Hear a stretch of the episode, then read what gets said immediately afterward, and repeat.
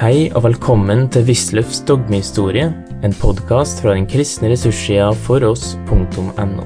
Med gjennomgang av Den kristne kirkes dogmehistorie av tidligere professor ved Menighetsfakultetet, Carl Fredrik Wisløff. I forrige, time, I forrige semester så hadde vi snakket om lutherdommen og om Calvin, og deretter om eh, var jeg kommet så langt at man egentlig nå skulle begynne å ta for oss det som jeg har kalt for de teologiske skoleretninger, på side 154. Imidlertid finner jeg det best å utsette det avsnittet, som for øvrig jeg kommer til å utvide litt, til litt senere i semesteret, slik at vi nå først tar for oss Den reformerte kirke og dens lære, og dernest eh, Tridentinekonsilet.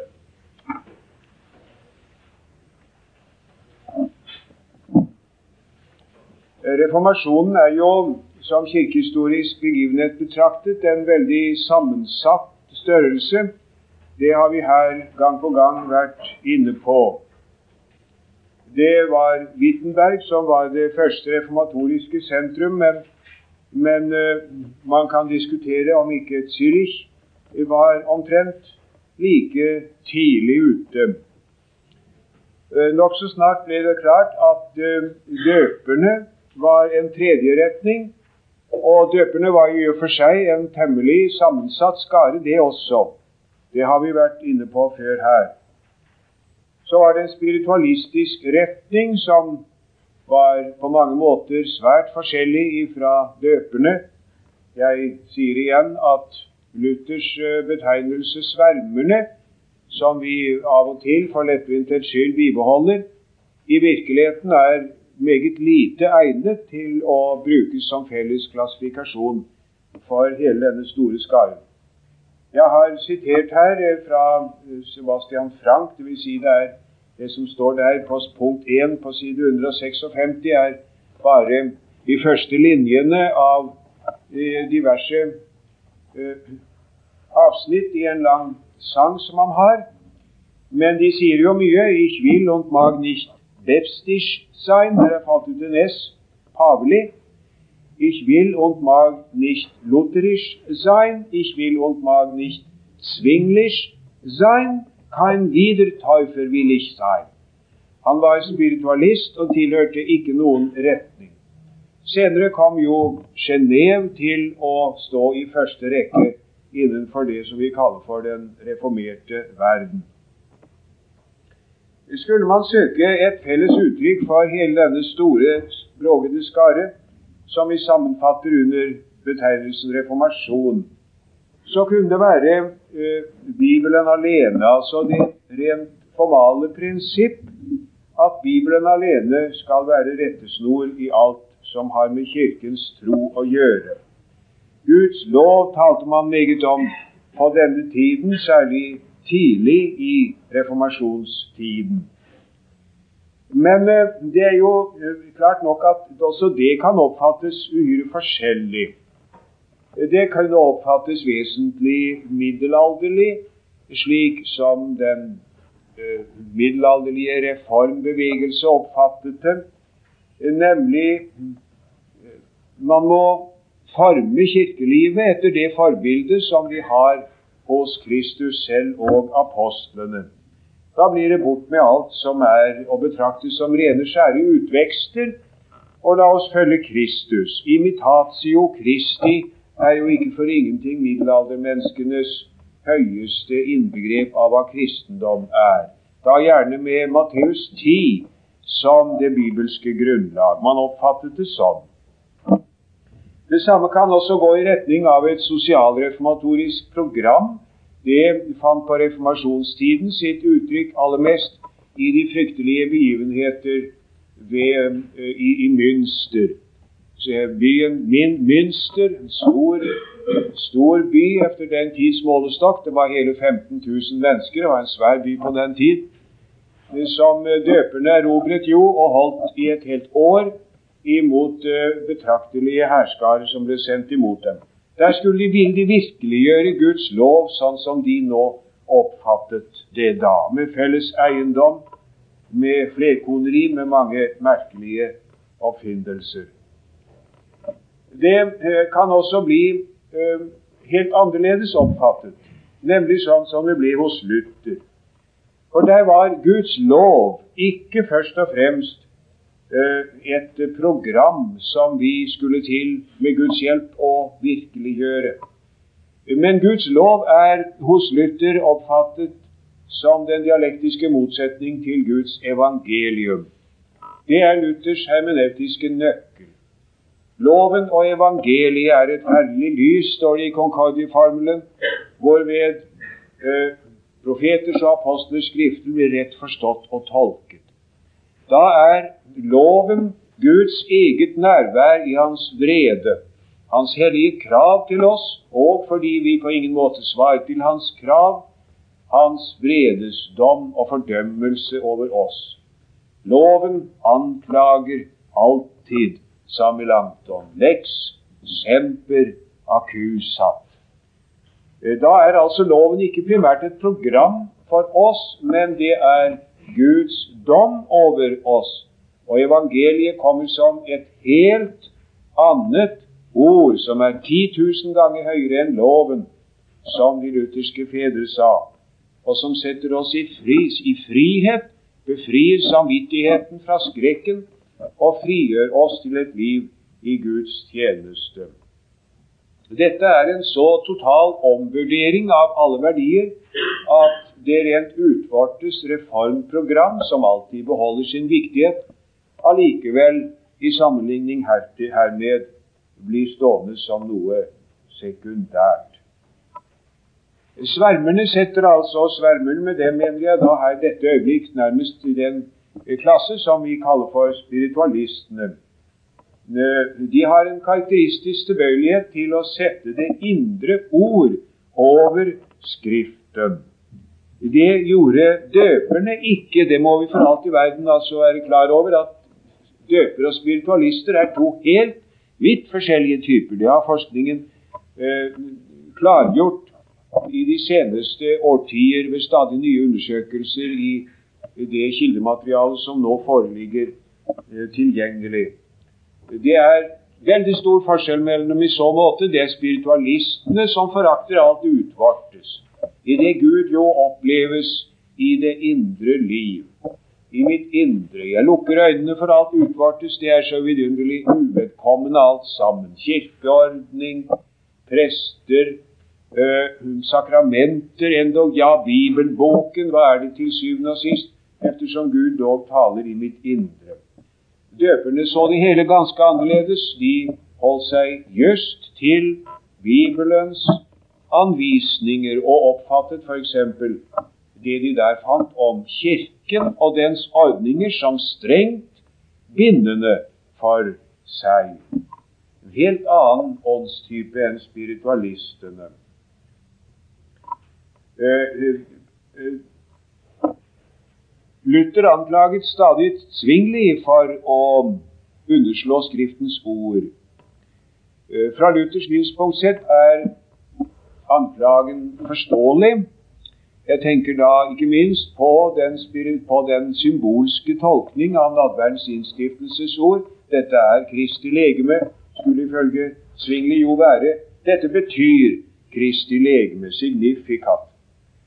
Men hvis vi ser det ifra døpernes synspunkt, så blir situasjonen en helt annen.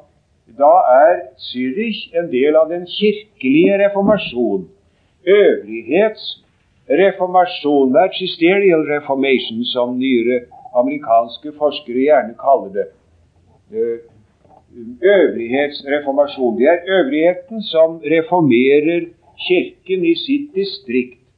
Og i så måte står altså Wittenberg, Zürich og Genéve fullstendig på linje. Også sammen med uh, Strasbourg og alle de andre uh, steder hvor det foregikk på samme måte.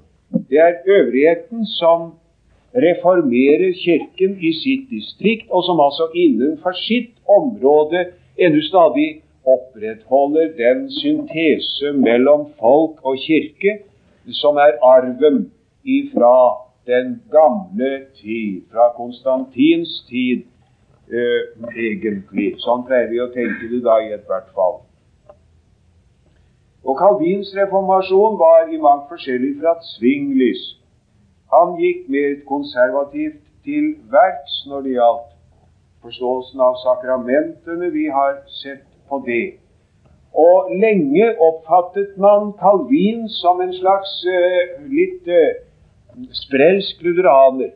Han gikk for å være luthersk i store deler av, av, Tyskland, og i Danmark oppfattet man det også slik. Han var noe eiendommelig, en merkelig kar. Hvor havner han egentlig? 1549, eh, da kom svaret på det. Da sa mange lutheranere til seg selv at her er manges hjerters tanker åpenbaret. For da kom konsensus tigurinus kirkehistorisk meget betydningsfull sak.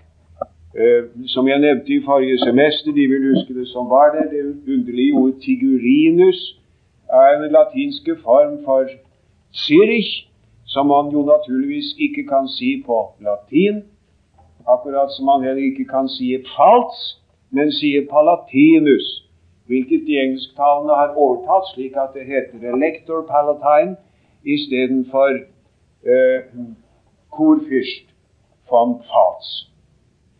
Count Palatine for Pfalz Graf. Palatinus og Tigurinus. Konsensus Tigurinus i 1549. Det var eh, Det var eh, Svinglis efterfølger Bollinger og Calvin som der ble enige om en eh, en bekjennelse om sakramentene, især med tanke på nattverden. Det er meget viktig, sier jeg, og denne Bollinger må vi ofre noen ganske få minutter på. Han eh, er eh, i grunnen eh, kommet ufortjent i skyggen av eh, de store menn som omgav ham sånn rent historisk. Av Svingli, naturligvis, hvis efterfølger han var, men også av Calvin, som jo tok luven ifra ham i og med at Genéve ble den viktigste plass i den, det som vi kaller for den reformerte kirke. Men ikke desto mindre er Heinrich Bollinger en meget eiendommelig og meget interessant skikkelse. En eh, vil vel vi si i våre dager sympatisk type i grunnen. Han var på mang, i mangt svært forskjellig ifra Svingli. Han innså at den, det sterke politiske engasjement som Zwingli hadde innlatt seg på, måtte jo føre til katastrofen i slaget ved Kappel, hvor Zwingli falt med sverd i hånd. Han trakk seg tilbake ifra denne direkte befatning med politikk for sin del, og konsentrerte seg om sin kirkelige oppgave. Han var flittig litterært, men hans skrifter har i grunnen ikke levet så særlig mye lenger utover hans egen tid. Desto mer betydde de i samtiden, og han hadde en korrespondanse som nesten kan minne om Calvins veldige korrespondanse. Han skiftet brev med omtrent alt som var av stort og mektig i samtiden. Eh, som et kuriosum kan der nevnes at man i Zürich oppbevarer tre brev fra Jane Grey, som var dronning i ti dager. Eh, vil de kanskje huske fra Englands historie, før Maria den blodige. Eh, hun lærd dame som hun talte og skrev gresk og latin med samme letthet som hun talte sitt modermål, og åpenbart skrev latin med aller størst letthet. Brev, hun brevvekslet med, med uh, Bollinger og oversatte et skrift av ham til gresk for å ha noe å bestille. Uh, Bollinger var på ingen måte noen kopi av noen kopi av Zwingli. Blant annet er hans sakramentlære gir et helt annet bilde. Ganske visst så har noen reformerte teologer i våre dager forsøkt i noen svak grad å rehabilitere Svingli og tillegge ham en litt sterkere forståelse for sakramentenes betydning enn man tradisjonelt har med, men med ringe utbytte, må man si. Faktum gjenstår at han eh, har sagt og mener at Den hellige ånd trenger ikke noen kusk eller noen vogn. Duxet vehiculum spiritui non est necessarium. Den hellige ånd farer ikke fram på en vogn. Han bruker ikke noe middel. Det blir en utelukkende symbolsk sak med hele, sakra, med hele sakramentene. Og Kristi legeme er jo i himmelen og kan derfor ikke være på jorden, og noe mer er det ikke om det. Bollinger var ikke så sikker på dette. Han nærmet seg faktisk Calvin. Og dette skrift, som de ble enige om i 1549, er eh, på sett og vis et kompromiss.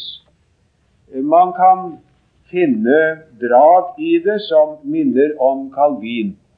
Og som jeg sa da vi holdt på med Calvin, det springende punkt der er faktisk det, som pleier å uttrykke det, at Calvins eh, sakramentlære er en del av hans pneumatologi. En del av hans lære om ånden. Han kobler læren om Ånden inn når han taler om sakramentene. Og særlig tydelig blir det når det er tale om, om, om nattværen. Jesu legeme og blod er i himmelen. Det er helt sikkert. Det mente de alle sammen. Og de mente det lokalt. Om det var Svingli, Calvin og katolikkene enige. Men ikke Luther som gjorde narr av dem og spurte om de mente at Kristi legeme var på et bestemt sted, akkurat som en stork i toppen av et tre. Han bryter med hele denne lokale forestilling og virker for så vidt på oss liksom, om jeg kan si, mer, moderne. Eh, men, men Calvin har jo den forklaring da at vi allikevel får en forbindelse med Kristi legemlige natur, som er i himmelen hos Gud, for det er Den hellige ånd som alltid formidler forbindelsen mellom Kristus og de troende. Vi har anklanger av denne, eh, denne lære her i konsensus figurinus. Eh, men allikevel, det er jo helt soleklart at det er langt, langt borte ifra Luthers sakramentale realisme. Det er helt klart. At det ikke lenger er svingelig enbart som dominerer, men en mer skal vi si, sakramental realisme i forhold til det, noe som nærmer seg mer til Calvin. Det er en grei sak i konsensus tigerinus. Men, sa hele den lutherske verden, der har vi det. Han er i virkeligheten øh, svingelianer allikevel, Calvinus. Se hva han har gjort. Han har inngått en avtale med Bollinger. Og det er jo, når man skal ta litt håndfast på det, ikke galt heller. Det er klart at han hører nærmere dit enn til Luther allikevel. Vi merker oss altså denne eh, konsensus tigurinus som et ganske viktig punkt. Nå er det ellers det å si, og det er viktig, at bekjennelsesskrifter ikke spiller noen eh, tilnærmelsesvis den rolle i den reformerte verden som det gjør i den lutherske verden. Det er ikke noe skrift, noe bekjennelsesskrift i den reformerte verden som tilnærmelsesvis har den betydning som, som den augsburgske konfesjon, som alle lutherske kirker har sluttet seg til. Ja, ikke riktig alle, forresten, for i våre dager har jo f.eks. Batak, Batak-kirken, som eh, har Nommensens misjon som bakgrunn, stort samfunn med over en halv million medlemmer, eh, blitt medlem av Det lutherske verdensforbund, men har ikke godtatt den augsburgske bekjendelse. For malayene kunne vanskelig innse hvorfor de skulle nødvendigvis slutte seg til et skrift som ble overgitt til keiser Karl 5. på riksdagen i Augsburg i 1530. De syntes det var en forholdsvis fjern begivenhet for dem, hvilket man jo kan forstå når man kommer til å tenke på det. Så de har formulert sin egen trosbekjennelse som Den lutherske verdensforbunds ledende teologer under ledelse av Peter Brunner eh, ransaket og fant at være i overensstemmelse med den augsburgske bekjennelse. Så det er altså en, i hvert fall en unntagelse som jeg vet om. For øvrig er jo, den, er jo Augustana som spiller sånn en dominerende rolle, naturligvis. At uh, man taler om kirke av augsburgsk konfesjon. Noe tilsvarende fins ikke for den reformerte kristenhets vedkommende. Og det uh, har nok sammenheng med at man der ganske annerledes uh, konsentrerer det om, uh, om, Skriftens rent formale funksjon. Skriftprinsippet har tradisjonelt i grunnen en noe sterkere stilling i så måte. Og så er det jo det rent historisk at det kom til å bli så mange av disse reformerte bekjennelsesskrifter. Müllers utgave av de reformerte bekjennelsesskrifter er en enda digrere bok enn en, uh, den bekjentelsesskriften som vi har. Og det kommer ikke av at de skriftene er så lange, for de er som regel ganske korte, til forskjell fra Concordia-formelen, som jo er en svær sak.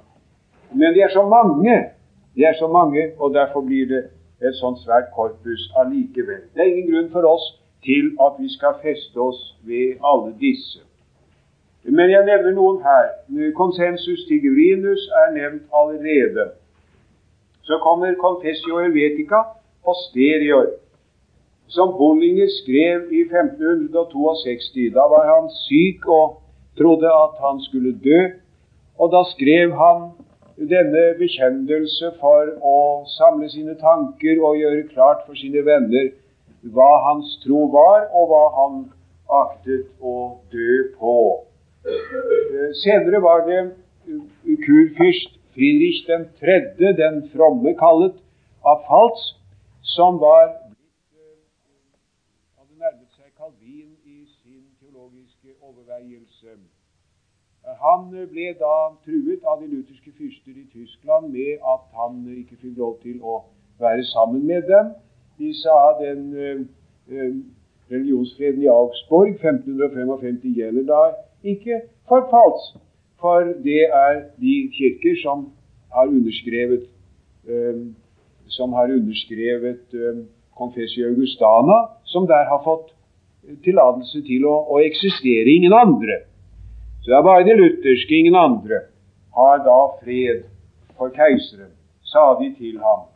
Ja, de kunne godta, eh, de kunne godta Augustana variata, men man begynte å forstå at disse senere emendasjoner som Melanchthon drev og flikket på og ga ut, de gjaldt ikke. Det var den ekte, uforandrede Augsburgske konfesjon fra 1530 som gjaldt. Og den kunne han ikke undertegne. Og hva så? Sendte han bud til Bollinger og fikk tilsendt teksten til eh, dette skrift, Confessio Helvetica Posterior. Og i 1566 ble det bekjennelsesskrift for Fals, som Friedrich 3. der godtok. Da hadde allerede Heidelberg-katekismen kommet i 1563. Det var den samme uh, fyrste i Fals som gav støtet til at dette skrift ble, eh, ble laget. Det var en Melanton-disippel som het Ursinus, og en Calvin-disippel som het Olevianus. Og begge to var venner og bekjente av Bollinger. Heidelberg-katekismen er eh, vel det reformerte bekjennelsesskrift som er mest utbredt det er holdt i en enkel, oppbyggelig form og eh, ut fra en tone av eh, åndelig, personlig opplevelse som man straks merker når man leser den. Det er Calvins teologi som dominerer. Så er det Confessio Belgica av en håndverkssvenn som heter Guy de Blé, som eh, måtte flykte for sin tros skyld og kom til Genéve, hvor han ble utdannet som teolog, tilegnet seg Calvins teologiske oppfatning, og i 1561 skrev dette bekjennelsesskrift, som også er av de mer utbredte innenfor den reformerte verden. Så kommer Dordrecht-synodens kanonne. Dordrecht, der er det blitt en S istedenfor en en C den ligger langt etter og har sin egen historie, som vi skal samle oss om når vi kommer så langt. Og Det samme må jo enda mer sies om Westminster Confession of Faith og de to Westminster katekismer som kom i 1647, og som tilhører Cromwell-tiden i England. Dem skal vi eh, også se litt på. Vender vi oss nå til disse reformerte bekjennelsesskrifter, så blir vi først slått av den meget sterke betoning av Bibelens inspirasjon og autoritet. Eh, dette er ikke uttrykkelig sagt noe om i eh, Confessio Augustana. Man har på det tidspunkt, 1530, ikke ansett det for å være nødvendig å si noe om Skriftens autoritet, for det var eh, i og for seg ikke til debatt og Skriftens alene autoritet eh, er ikke urgert, ikke uttrykkelig sagt noe om, hvilket Luther jo bemerket og var misfornøyet med. Desto sterkere sa han det i de smalkaldiske artikler syv år senere. Men i alle de eh, reformerte bekjennelsesskrifter er dette med Bibelens inspirasjon eh, sagt meget uttrykkelig. Credimus et confitemus scripturas canonicas sanctorum skal det være med C istedenfor S. Profetarum et apostolorum utriusque testamenti ipsum verum esse verbum dei, heter det i Helvetica posterior. Vi tror og bekjenner at de kanoniske skrifter av de hellige profeter og apostler i begge testamenter er uh, Guds eget sanne ord.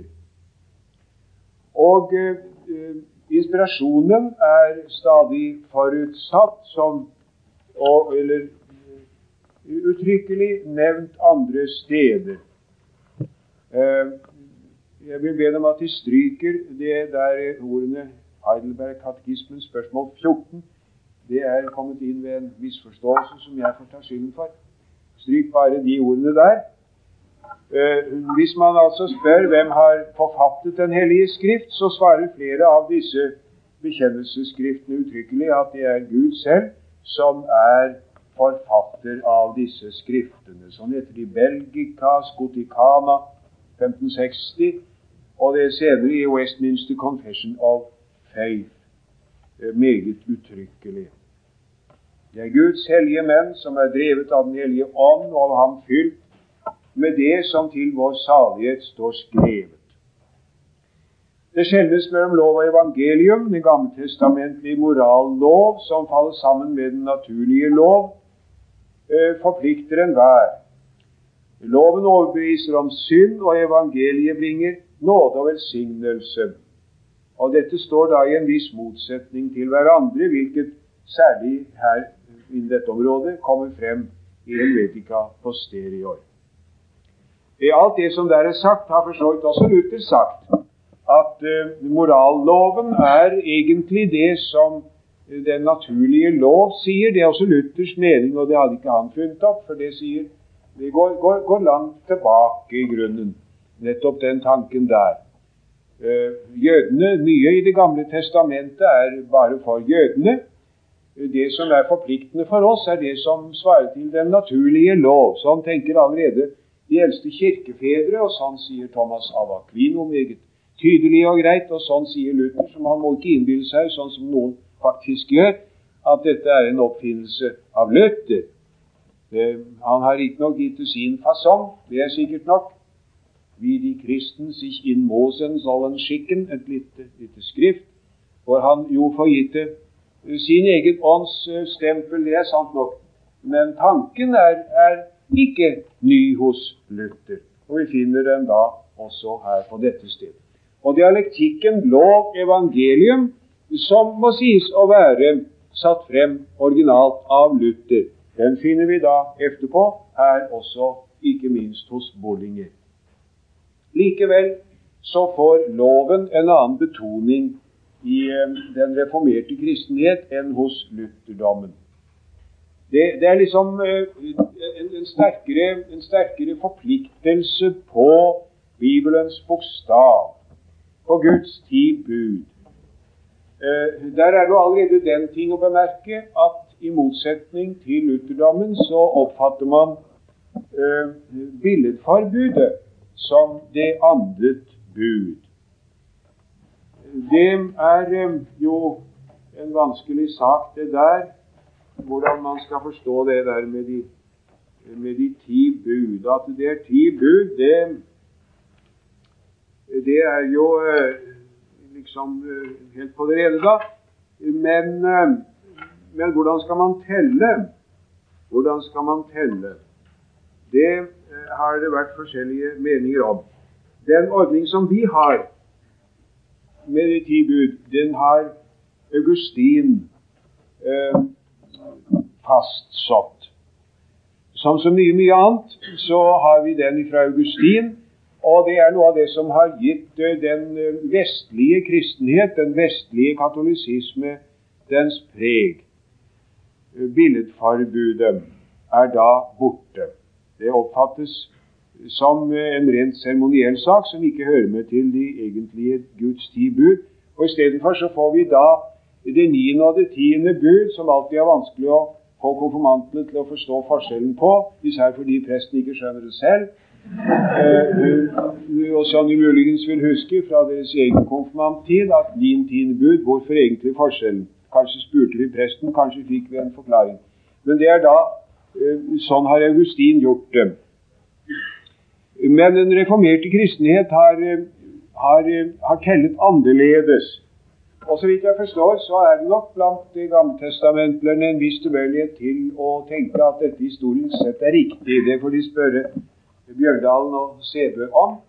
Det er ikke min sak å avgjøre noe om, men i hvert fall sånn er det hos de reformerte. Og da, da lyder altså det annet bud som i Harberg-katekismen. Ja, for det første, das erste Gebot Ich bin der Herr, dein Gott, der dich aus Ägyptenland, aus dem Diensthause geführet habe. Du sollst keine anderen Götter von mir haben. Det er jeg i hvert fall helt sikker på at Gammeltestamentene i dag sier bravo til. For at dette 'Jeg er Herren din Gud', som førte deg ut av Egypteland, at det er bakgrunn og forutsetning for alt som så kommer, det er visst temmelig sikkert. Og det er én utgave av Luthers katekisme som også har det. Der. Interessant nok. Bjørndalen var svært interessert da jeg fortalte ham om den katekismeutgaven en gang, og redegjorde for dette. Derfor jeg, føler jeg meg så på sikker grunn når jeg sier at jeg tror gammeltestamentlerne også vil, vil si at det er riktig. Så kommer det annet bud. Du sollst dir kein Bildnis noch irgendein Gleichnis machen, weder des, das oben im Himmel, noch des, das unten auf Erden, oder des, das im Wasser unter der Erde ist. Du sollst sie nicht anbeten, noch ihnen dienen. Denn ich, der Herr dein Gott, bin ein starker, eifriger Gott, der die Missetat der Väter heimsucht an den Kindern bis ins dritte und vierte Glied derer, die mich hassen und tue Barmherzigkeit an vielen Tausenden, die mich lieben und meine Gebote halten. Og så kommer det tredje bud da, at du skal ikke misbruke Herren din, din Guds navn. Og det fjerde bud er sabbatsbudet. som er dette. Det er ordnet. Det første bud står da vakt om Guds enhet, sier Calvin. Eh, det andre bud vil verne om hans sanne åndelige vesen. Gud vil ikke at vi skal dyrke ham på noen annen måte enn han har fastsatt i sitt ord, står det i Heidelberg-katekismen. was will Gott im anderen Gebot, also billedforbudet, was wir Gott in keinem Wege verbilden, noch auf irgendeine andere Weise, den er in seinem Wort befohlen hat, verehren sollen. Jeg vet ikke, jeg, men det hender at man ønsker at vi hadde beholdt det derre billedforbudet i grunnen. Det er det to teologer som har i grunnen skrevet i den seneste mannsalder her hos oss. Det ene var på 30-årene, da stridens bølger gikk høyt om Guds grønne enger. Dette skuespillet med, som Gud Fader opptrer på scenen som en, som en gammel lærer, neger. Eh, det var stor, stor ballade her i den anledning. Da skrev eh, Hans Ording Han var vel da ennå sogneprest i Frogner, ble senere professor uh, i dogmatikk universitetet uh, om dette. Jeg har referert det i Norsk kirkehistorie 3. Og den andre som har skrevet, er Torleif Boman, som skrev det i Aftenposten for kort tid siden.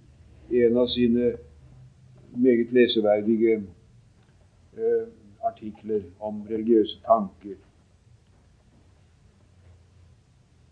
Det kan nok være altså at å fremstille Gud altså som en, som en mann, som Michelangelo har gjort, f.eks. Boman nevnte det eksempelet. Det er ikke sagt at det har vært så veldig gunstig. Men vi har der holdt oss til den katolske tradisjon fra Gregor den store, som har redegjort for det der. Johannes Damaskenus for den greske kirkes vedkommende. Bilder er forbudt da i kirken her. Man kan ha bilder av skapningen, men ikke av skaperen. Nå spør Heidelberg-katekismen, men kan ikke bildene tolereres i kirken når vi bare betrakter dem som legfolkets spøker? Legfolkets spøker skal det der stå, da. Um, spørsmål 98. Mögen haben nicht die Bilder als der Laienbücher in den Kirchen geduldet werden. Og til det svares det nei, for vi skal ikke være klokere enn Gud, som ikke vil at hans kristenhet skal undervises ved hjelp av stumme avguder, men ved sitt ords levende preken. Det er jo altså en, faktisk en pentitio-prinsipp i det, da. Det er ikke helt uh, Det er jo noe logisk å innvende imot det der derfor. For uh, man diskuterer jo om hvorvidt det er stumme gudsen. Det er det, det er det diskusjonen står om. Er det, er det stumma, er det avguder, eller er det ikke? Derom står diskusjonen, har man allerede i definisjonen forutsatt at det er det. Så der eh, føler man nok kanskje Anleises ombehagen. Vi merker oss da i hvert fall at her er, her er eh, den ting å si i samtlige reformerte katekismer er, er eh, billedforbudet det annet bud. Han sa Robert Wilder på 30-årene syns jeg jobba for hardt i min gjerning i Vaterland, så meg inn i øynene og sa Do you keep the fourth commandment?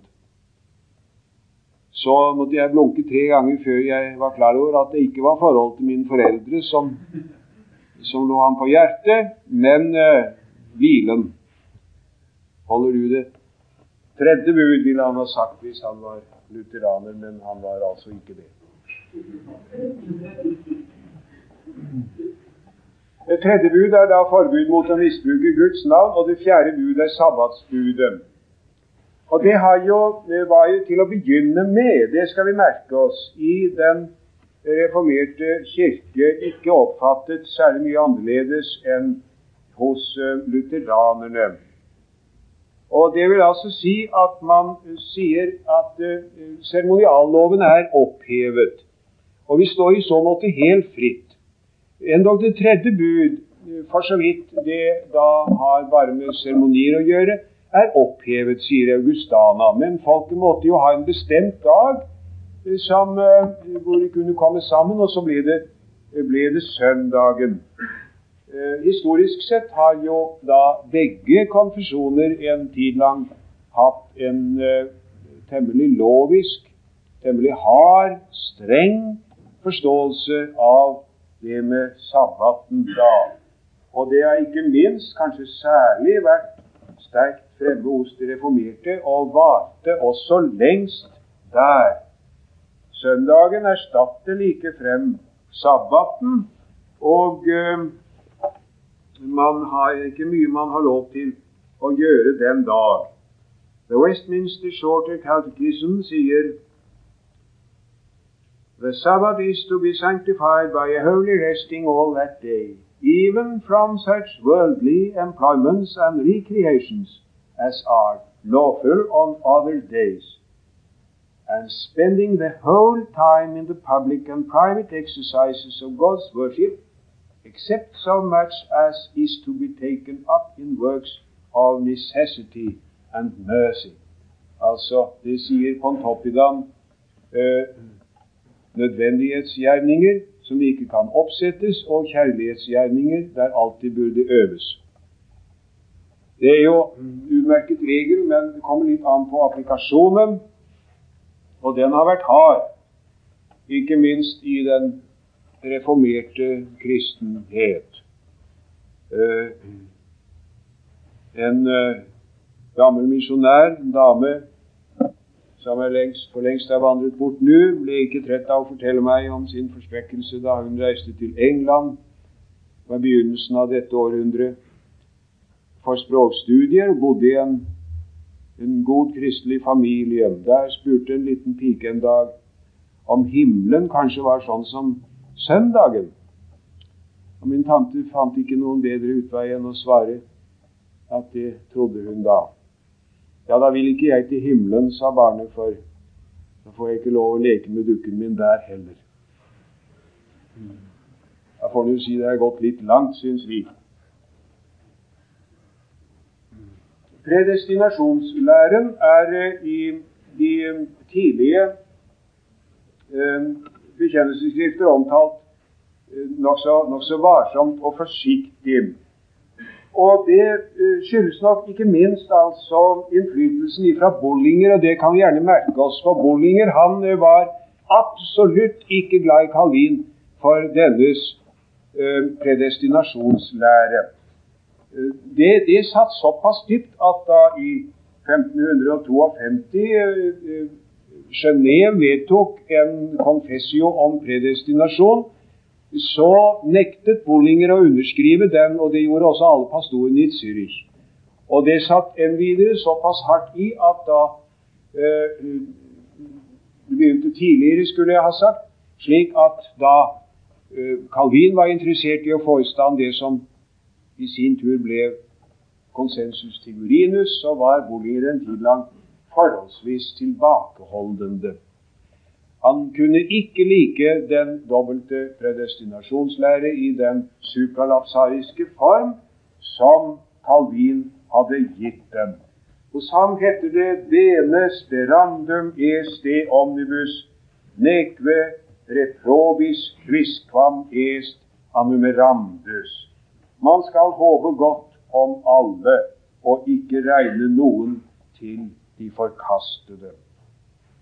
Og han, eh, han, han sier uttrykkelig i sin eh, Helvetica Posterior at det å, å, å spekulere om hvorvidt, hvorvidt predestinasjonen fra Guds side ble like som satt før eller etter Adams fall, er unyttige spekulasjoner. Hva det ligger i det, skal vi tale om i morgen. Og i Confessio Sigis Mundi, som ble vedtatt da den brandenburgske kurfyrste gikk over til Den reformerte kirke 1614, så er den eh, kalvinske predestinasjonslære med uttrykkelige ord forkastet. Nicht das er, nemlig godt, nicht alle wollen selig haben. Ikke så at Gud ikke ville at alle skulle bli frelst, for det vil han altså, er det meningen. Du har nå hørt Wisløffs dogmehistorie. Finn flere ressurser og vær gjerne med å støtte oss på foross.no. Følg også gjerne noen av våre andre podkaster, f.eks. Table Talks.